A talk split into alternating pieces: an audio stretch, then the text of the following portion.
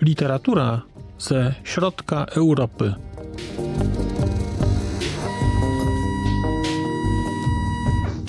Podcast około książkowy.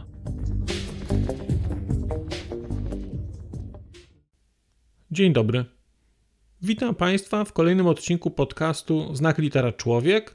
Przed mikrofonem Marcin Piotrowski. Pojawiam się dzisiaj u Państwa z opowieścią o książce dziesięcioletniej, książce, która po raz pierwszy ukazała się w roku 2012, która miała swoją polską premierę w roku 2015, a jest to książka Petra Krysztówka Dom Głuchego. Polski przekład tej książki to jest przekład Olgi Stawińskiej, a książkę wydały książkowe klimaty, czyli jedno z ważniejszych polskich wydawnictw publikujących literatury małych narodów. Powiedzmy sobie jasno, że ja o tej książce nawet wcześniej nie wiedziałem i ona trafiła do mnie z rekomendacji Tomasza Zaruda z Książkowych Klimatów, kiedy e, prosiłem go o rekomendacje jego osobiste dotyczące literatury słowackiej, to bardzo, bardzo wprost powiedział mi, że ta książka jest, wydaje mu się, wartościową rzeczą i dlatego ją na liście umieściłem i muszę powiedzieć, że była to bardzo dobra decyzja. Dom Głuchego to jest, e, powiedziałbym, rodzaj opowieści rodzinnej. Sam autor, czyli Petr Krzysztofek, mówi o tym, e, że to jest książka o tym, i tu cytuję, jaki wpływ na życie ludzi na Słowacji miał wspaniały wiek XX. Wspaniały we wszystkich znaczeniach tego słowa. Koniec cytatu. No i właśnie, tak naprawdę to, co tutaj, e, to, co tu Krzysztofek mówi, to, to de facto to znajdziemy w książce. Dlatego, że ta książka, czyli Dom Głuchego, jest takim wspomnieniowym obrazem wieku, właściwie całego wieku XX, e, postrzeganego z perspektywy małego słowackiego miasteczka. Takiego trochę prowincjonalnego spojrzenia na historię wieku XX, która toczy się przez ziemię słowackie i no, czasami porywa, a czasami miażdży, a czasami po prostu e, gdzieś idzie obok ludzi, którzy, którzy tam mieszkają. Powiedziałbym, że bohaterem tej książki, jeżeli tak sobie na nią spojrzymy, takim głównym narratorem, e, głównym narratorem jest osoba, która jest e, w stosunku do pokolenia mojego czy państwa, jeżeli mnie słuchacie, to jest pokolenie minus jeden. Tak określiłbym je. To jest pokolenie moich rodziców. Aczkolwiek jest to, e, kiedy spojrzymy sobie na postać autora, to mimo, że on jest pisany w pierwszej osobie, ta książka, to jednak jest to człowiek z mojego z kolei pokolenia, gdyż urodził się w najlepszym w XX stuleciu, roku 1973. Akcja książki rozgrywa się w małym miasteczku na Słowacji, w Breżanach. I właściwie książka ma, powiedziałbym, dwóch głównych bohaterów.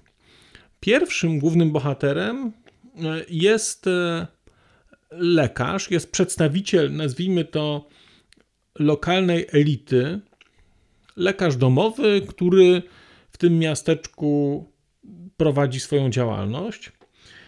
Drugim takim bohaterem, który też jest istotnie w tej książce obecny, jest, jest taki pilot wojskowy.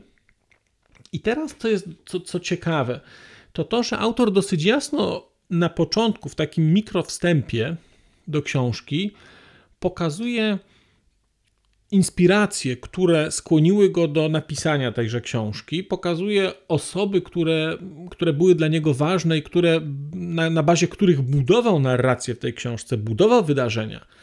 Natomiast to, co znajdujemy w książce, jest w większości fikcją, aczkolwiek z tego, co mówi autor, nie do końca. I to jest jedno, wydaje mi się, taki pierwszy element, który gdzieś mi tę książkę do jakiegoś stopnia przybliżał do, do tego, e, do, do Esterhaziego i do jego harmonii Celestis, do tego, gdzie Esterhazy sam mówi, że to jest trochę po stronie czytelnika decyzja, wybór tego, co jest prawdą, co nie jest prawdą, i po stronie czytelnika jest, jest próba oszacowania tego, gdzie autor, co autor wziął e, z rzeczywistości, a gdzie tę rzeczywistość e, przebudował na potrzeby, na potrzeby narracji. No i tak naprawdę, kiedy poznajemy sobie życie w tych, w tych Breżanach, w tym małym miasteczku e, na Słowacji, to widzimy życie w okresie późnej Czechosłowacji, takiej przedwojennej. Potem jesteśmy świadkami życia w Słowacji, w Republice Słowackiej księdza Tiso. Później kończy się wojna, potem jest, jest powstanie. To, to powstanie w ogóle tu jest też, to, to powstanie słowackie jest tutaj dosyć istotnym elementem i ono gdzieś tych bohaterów tutaj ze sobą wiąże. I w ogóle to jest kolejna książka, gdzie ten wątek powstania słowackiego się pojawia. I wydaje mi się, że jeżeli gdzieś będziecie się Państwo starali zainteresować słowacką historią, czy w ogóle czytać słowacką literaturę, to ten wątek będzie się pojawiał. To jest wątek, który się pojawia dosyć regularnie i akurat w domu głuchego on zajmuje dosyć istotne miejsce i jest szalenie, szalenie ciekawy, wydaje mi się.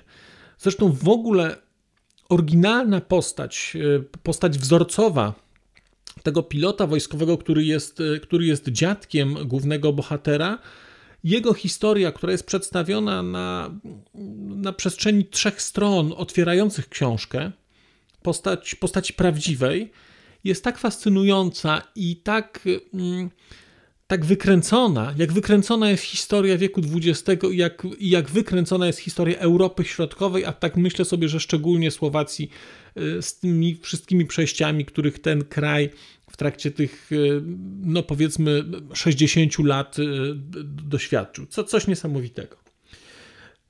Natomiast mamy tego lekarza, i z jednej strony mielibyśmy wtedy spojrzenie czy wgląd tylko w życie takiej lokalnej elity, a jest to taka lokalna elita, która na przykład na tyle dba o siebie, że ten lekarz, e, doktor nie goli się sam, tylko chodzi golić się do, do fryzjera, dlatego że tak powinno być. I to jest jedna część, tutaj cała taka część, powiedzmy, lekarska. Natomiast bardzo ciekawe jest tutaj to, że tenże lekarz jest ożeniony z Żydówką. I poprzez całą żydowską część rodziny mamy możliwość oglądania świata, który, tak jak zgasł w Polsce, tak samo zniknął, zgasł na Słowacji. Dlatego, że ci słowaccy Żydzi w tym małym miasteczku to też jest jakaś elita, to też są ludzie majętni, to też są ludzie, którzy, którzy w tym miasteczku są istotnym elementem, i to też są ludzie, którzy w wyniku II wojny po prostu giną, znikają, ich nie ma. Natomiast jeżeli są, w momencie kiedy są, to mamy, mamy fantastyczny wgląd w ich świat, ale w świat takich Żydów trochę innych niż, niż, niż ci Żydzi, do których my jesteśmy przyzwyczajeni do tej, do tej diaspory żydowskiej w Polsce przedwojennej, tylko to są Żydzi w wysokim stopniu zeświadczeni. To są y, Żydzi, którzy mm, są trochę forpocztą nowoczesności i część z nich w ogóle bardzo jasno deklaruje się, że, że nie, są, nie są religijni, patrzą krytycznie na swoją tradycję bardzo, bardzo, bardzo to jest e, ciekawe i takie, mam wrażenie, z jednej strony inne, z drugiej strony podobne. Inne dlatego, że no, widzimy tych ludzi trochę z, z innego obszaru kulturowego, ale tylko trochę z innego. Z drugiej strony widzimy jednak ludzi bardzo podobnych do tych ludzi w Polsce, do tej diaspory w Polsce i, e, i niestety kończących e, w taki sam sposób. Jeżeli spojrzymy sobie na treść tej książki, na to, jak ona jest też, treść i forma, jak ona jest zbudowana, to tak naprawdę Dom Głuchego można byłoby opisać jako zbiór takich mini historyjek. Te mini historyjki są bardzo różnej długości, e, ale rzeczywiście chyba one są mini. To znaczy niektóre mają, niektóre to są takie akapity na pół strony, niektóre to są historie, które mają, które mają półtorej strony do pięciu stron. Istotne jest to, że one teoretycznie nie łączą się ze sobą. To znaczy, nie jest tak, że tam się jakieś wątki rozpoczynają i są ciągnięte. Natomiast one są poukładane po kolei i to są takie rzeczy, że coś jest opowieścią ze stycznia, potem jest coś opowieścią z kwietnia, potem jest opowieść z maja, potem się ktoś inny pojawia. Te wszystkie rzeczy się ze sobą przeplatają, one się ze sobą łączą w taki, w taki całościowy obrazek. Mamy, y, mamy wrażenie rzeczywiście udziału w życiu tej rodziny, mamy mm, doświadczenie udziału w życiu tego miasteczka i udziału w, mm, w historii Słowacji, która, która gdzieś tutaj w tle, się, w tle się przewija. Oczywiście poza, poza y, Breżnami pojawia się tutaj też Bratysławia, pojawia się Praga, dlatego że bohaterowie później y, wyjeżdżają, ale jest to jedno miasteczko, ten dom, który, który jest tutaj takim, takim punktem centralnym mm, tej, tej całej historii i to wszystko dzieje się w tym, e, w tym małym miasteczku. I teraz dla mnie bardzo unikalna była ta perspektywa małego miasteczka. Ja znałem historię, mm, może nie historię, ale do tej pory te historie, które gdzieś czytałem, czy o e, Czechach, mm, czy o Słowacji, to były historie z dużych ośrodków. To były historie, nazwijmy to metropolitalne. Tutaj mamy, nie mamy historii metropolitalnej. Tutaj mamy historię małego ośrodka, takiego trochę na uboczu, żyjącego sobie trochę swoim życiem. I to jest, to jest cudowny obraz. To jest cudowny obraz, to jest przepięknie pokazane. W ogóle ta książka jest napisana wspaniałym językiem. I ona to jest taki obraz taki bardzo ciepły obraz świata, który już zginął, a jednocześnie ten obraz jest ciepły, ale nie jest kluchowaty. To nie jest jakieś mizdrzenie się do przeszłości, tylko to jest spojrzenie na, na coś, co już, na świat, którego nie ma. Spojrzenie, które jest w większości spojrzeniem człowieka młodego, więc jest też, też trochę przesycone taką, taką cudowną dziecięcą, a później młodzieńczą naiwnością e, w postrzeganiu, w postrzeganiu świata, a później to wszystko zaczyna się robić e, trochę bardziej, trochę bardziej mroczne. Wspomniałem już tutaj e, o pewnym, jak dla mnie, takim, takiej powiązaniu, takim, takiej konotacji, którą ja gdzieś, która dla mnie ta książka gdzieś ma z książką Harmonia Celestis Petera Esterhazyego. I ta książka ma to powiązanie na kilku poziomach. Pierwszym to był ten taki formalny, czyli to są takie te, te luźne opowieści, które gdzieś tam się na coś składają, ale tak naprawdę są luźnymi opowieściami. Drugi to jest takie moje poczucie, które miałem mniej więcej do, do dwóch trzecich tej książki. To jest takie poczucie, że ta książka jest odą y, do, do ojca, jest, jest wyrazem ogromnej miłości syna do ojca, takiej miłości głębokiej, takiej fascynacji, takiego, mm, takiego, takiej przynależności do tego ojca, odkrywania swojego podobieństwa, doszukiwania się w tym, w tym ojcu różnych rzeczy. I jest to przepiękne. Jest to przepiękny obraz miłości, zwłaszcza, że mm, to dotyczy okresu, nazwijmy to dziecięcego i takiego wczesnomłodzieńczego, i widać, jak to dziecko tego ojca kocha, jak, to, jak ten ojciec jest dla tego, dla tego dziecka istotny, jak e, cała ta książka jest przesycona takim, e, takim uwielbieniem. A później to się zmienia. A później to się zmienia, dlatego że pojawia się kolejny element, który gdzieś tę książkę dla mnie pozycjonuje e, blisko harmonii Celestis, a właściwie bliżej, e, bliżej drugiej części czy kontynuacji tej harmonii Celestis, e, czyli wydania poprawionego, bo okazuje się, że ten ojciec bohatera zaczyna współpracę e, ze służbą bezpieczeństwa już w okresie e, Czechosłowacji. No i nagle mamy tutaj trochę inne spojrzenie. To nie jest spojrzenie rozliczeniowe, takie jakie było u Esterhazyego. Tu jest inny rodzaj narracji, tu nie ma oceny, tu nie ma takiej krytyki, e, jaka jest u, u Esterhazyego, ale jest pokazanie pewnego mechanizmu, jest pokazanie tego mechanizmu wciągnięcia. Jednocześnie, i to jest dla mnie bardzo, tu, bardzo duża zaleta tej książki, i, i to jest bardzo dla mnie dobrze pokazane, jest pokazane to, jaką cenę płaci się za próbę zapewnienia rodzinie spokoju i szansy na życie. Dlatego, że ta historia Słowacji i te przemiany, które tam zostały pokazane, to jest pokazanie tego, ile trzeba zrobić, jak czasami trzeba klęknąć, jak czasami trzeba schylić głowę, żeby przeżyć i żeby wytrwać. I wydaje mi się, że to szczególnie może być istotne dla Polaków, dlatego że mamy trochę inne spojrzenie na takie tematy jak jakiś tam duma, jakiś honor, e, zasady. Słowacy mają inne i to widać tutaj. Tu zresztą pojawia się taki wątek zaraz na początku, że mm, Słowacja, czy, czy historia Słowacji to jest historia zapominania albo historia niesłyszenia. Och, to jest chyba mówione historia niesłyszenia, że tutaj lepiej po prostu nie słyszeć albo zapomnieć, co się mówiło. I ten wątek się w ogóle gdzieś tutaj pojawia, że ktoś zapomniał, że ktoś nie usłyszał, a ktoś nie chciał usłyszeć e, e, czegoś.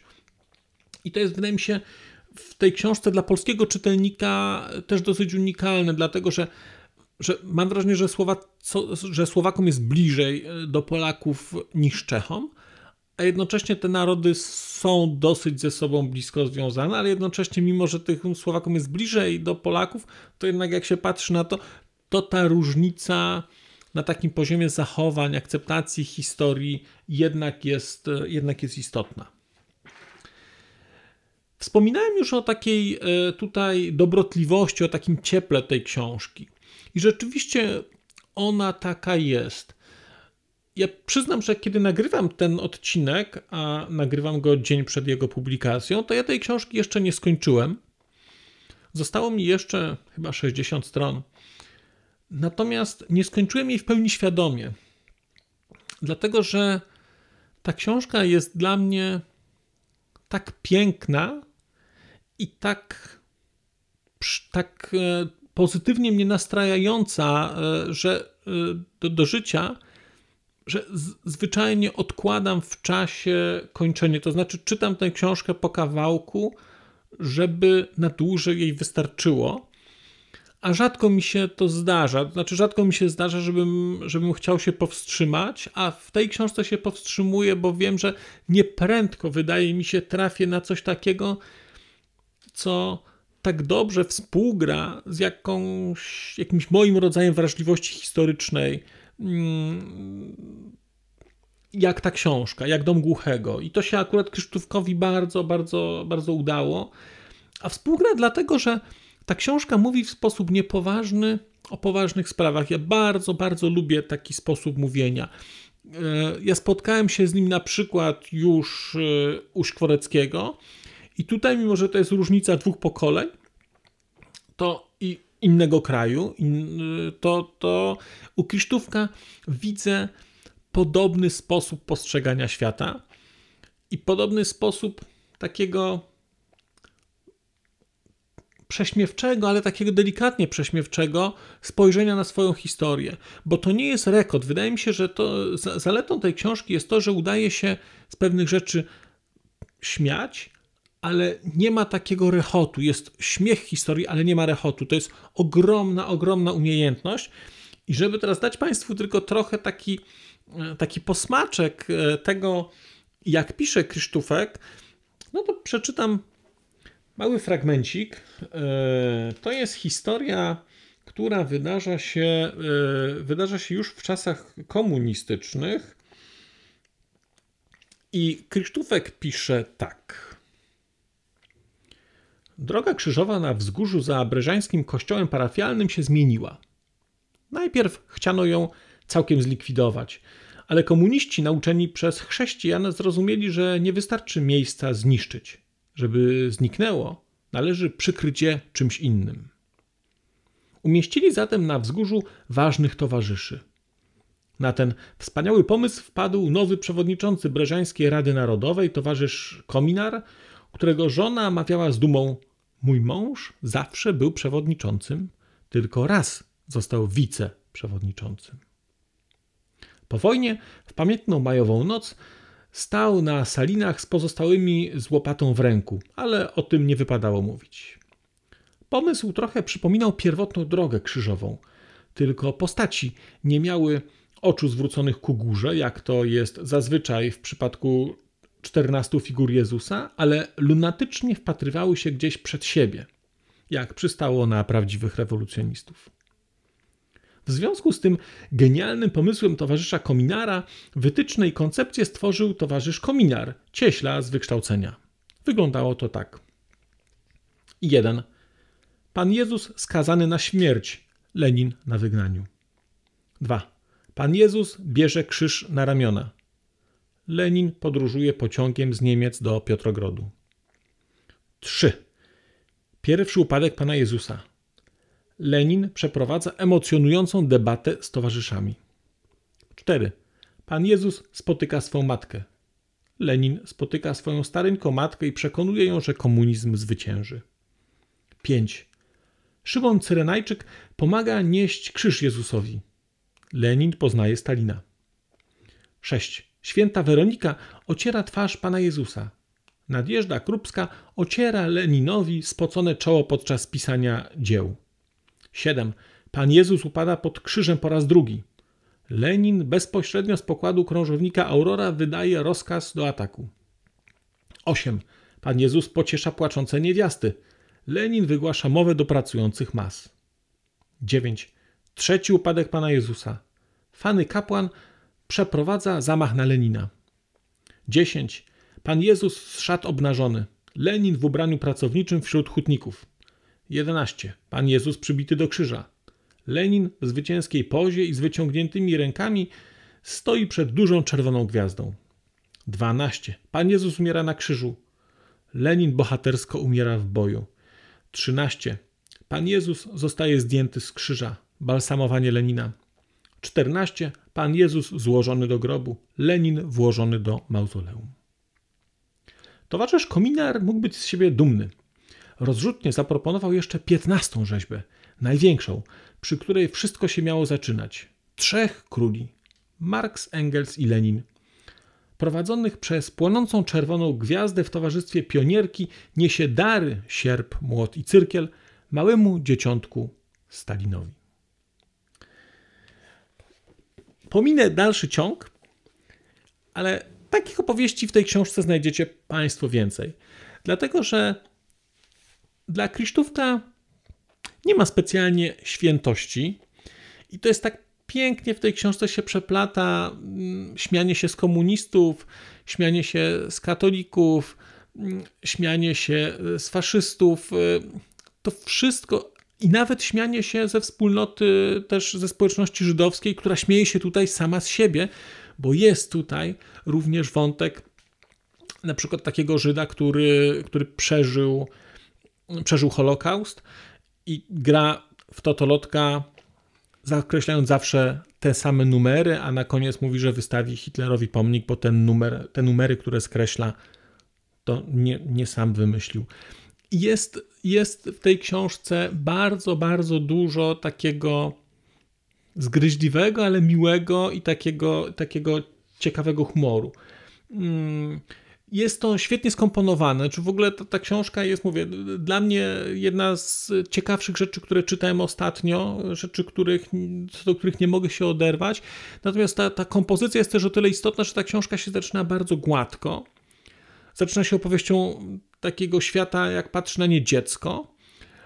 I później, czyli na początku jest ojciec, dziadek, potem oni gdzieś znikają i zaczyna się życie już głównego bohatera, gdzie też się ojciec pojawia, by, bywa w nim, są do niego odniesienia, ale to już jest życie dorosłej osoby, która ma swoją rodzinę i która zmaga się z normalizacją, z normalizacją e, w Czechosłowacji.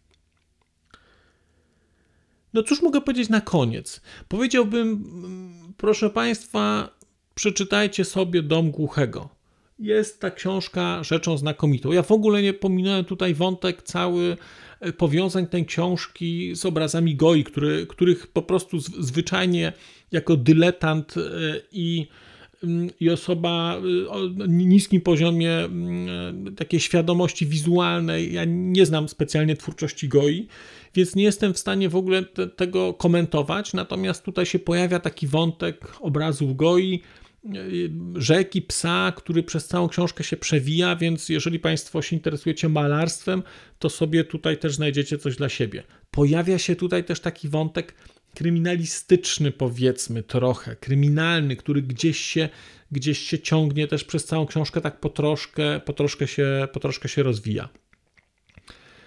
Ale całościowo mówię, wydaje mi się, że to jest znakomita rzecz, znakomita rzecz. Y, I no, ja liczę, że znajdę więcej Krzysztówka jakichś y, historii będę pewnie też szukał tych filmów, które on zrobił, dlatego że to jest filmowiec i tak jak zresztą główny bohater tej książki też jest, e, też jest e, filmowcem, ale będę, będę na pewno tę osobę śledził, bo, bo, bo ta książka zrobiła na mnie ogromne wrażenie. Dom Głuchego, Petr Krzysztofek, książkowe klimaty. Bardzo, bardzo Państwu tę książkę polecam. A tymczasem się żegnam, bo to już koniec e, dzisiejszej mojej przydługiej e, przemowy. Bardzo Państwu dziękuję za uwagę, dziękuję za słuchanie, zapraszam do komentowania. I cóż, do usłyszenia wkrótce. Przez mikrofon mówił do Państwa Marcin Piotrowski. A już zupełnie na koniec powiem, że skoro wysłuchaliście Państwo tego odcinka, to w jego opisie znajdziecie link do serwisu YouTube. W wersji YouTube'owej e, jest miejsce na skomentowanie go. To jest takie miejsce, gdzie można komentować ten odcinek, rozmawiać, zadawać pytania, wymieniać się spostrzeżeniami, do czego Państwa bardzo zachęcam, gdyż udało się już na tym YouTubie zgromadzić trochę bardzo ciekawych osób, bardzo ciekawych komentarzy i trochę stworzyć taką społeczność ludzi rozmawiających o książkach. Też na koniec, zupełnie na koniec, e, poproszę Państwa o wystawienie oceny mi w ramach e, tych platform podcastowych, na których Państwo tego odcinka wysłuchaliście. I nieważne jaka ta ocena będzie, istotne dla mnie po prostu, że będzie. Tymczasem się żegnam już naprawdę i do usłyszenia za czas jakiś.